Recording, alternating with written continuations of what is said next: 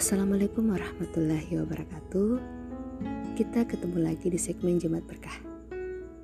Segmen yang paling aku tunggu-tunggu karena aku bisa berbagi ilmu seputar ajaran Islam sama kalian semua. Kalau bicara soal ilmu Islam, mungkin aku bukan ahlinya. Karena aku juga masih dalam tahap belajar dan masih banyak yang harus aku pelajari.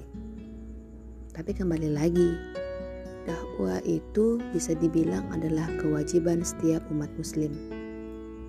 Walaupun kita cuma punya sedikit ilmu, ilmu apa pun itu yang berkaitan dengan Islam ya, kita harus sampaikan dan amalkan. Sesuai hadis yang mengatakan, sampaikanlah dariku walau satu ayat. Jadi, kalau misalnya kita cuma tahu sunnah makan itu harus pakai tangan kanan, ya sampaikan aja nggak apa-apa atau kita cuma taunya um, minum itu sunnahnya harus duduk. Ya sampaikan aja. Karena kita nggak ada paksaan kok harus tahu semuanya baru bisa sampaikan ke orang-orang. Nggak nggak gitu juga. Hmm oke. Okay. di sini ada nggak manusia atau dari kalian yang nggak punya gambaran masa depan Misalnya masa depan buat nikah sama doi gitu. Oke, dalam kesempatan kali ini kita akan membahas bagaimana Islam memandang sebuah masa depan. Cia. Apakah ada hal-hal yang perlu diperhatikan oleh kita dalam meniti masa depan itu? Atau ada hal yang harus kita lakukan sebelum menata masa depan? Bicara perihal masa depan, setiap orang tentu punya ukirannya masing-masing. Mereka mau seperti di masa mendatang. Mereka mau jadi seperti itu suatu saat nanti. Dan itu adalah hal yang wajar. Orang-orang berhak memimpikan dan menciptakan kehidupan di masa mendatangnya.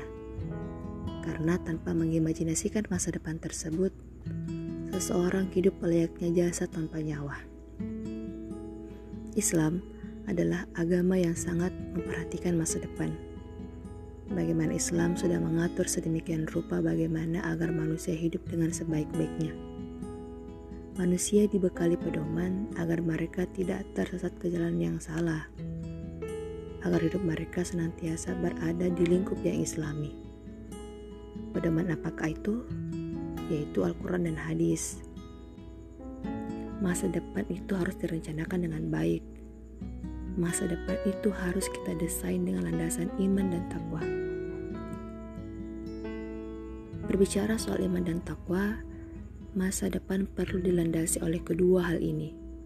Tanpa iman dan takwa yang kita tanamkan sejak dini, maka rasa-rasanya ilmu itu seperti sebuah tanaman tak berakar. Sewaktu-waktu akan layu karena tak memiliki pijakan kuat untuk bertahan dari terpaan apa pun. Didikan sejak inilah yang bisa kita terapkan juga ke anak-anak kita kelak.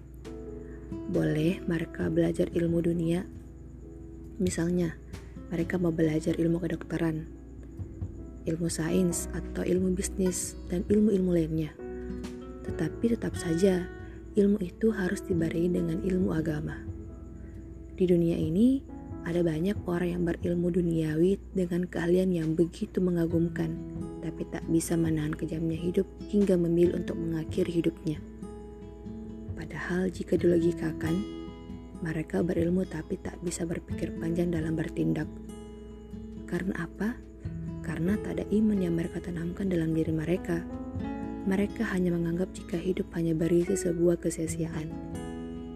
Mereka menganggap bahwa hidup hanya berisi omong kosong Padahal hidup akan terasa bermakna jika kita memahami hakikat hidup yang sebenarnya.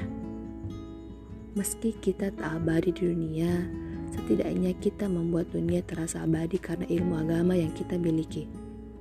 Karena kita paham keabadian akan terjadi jika di akhirat kelak. Jadi masih menganggap jika masa depan tidak penting.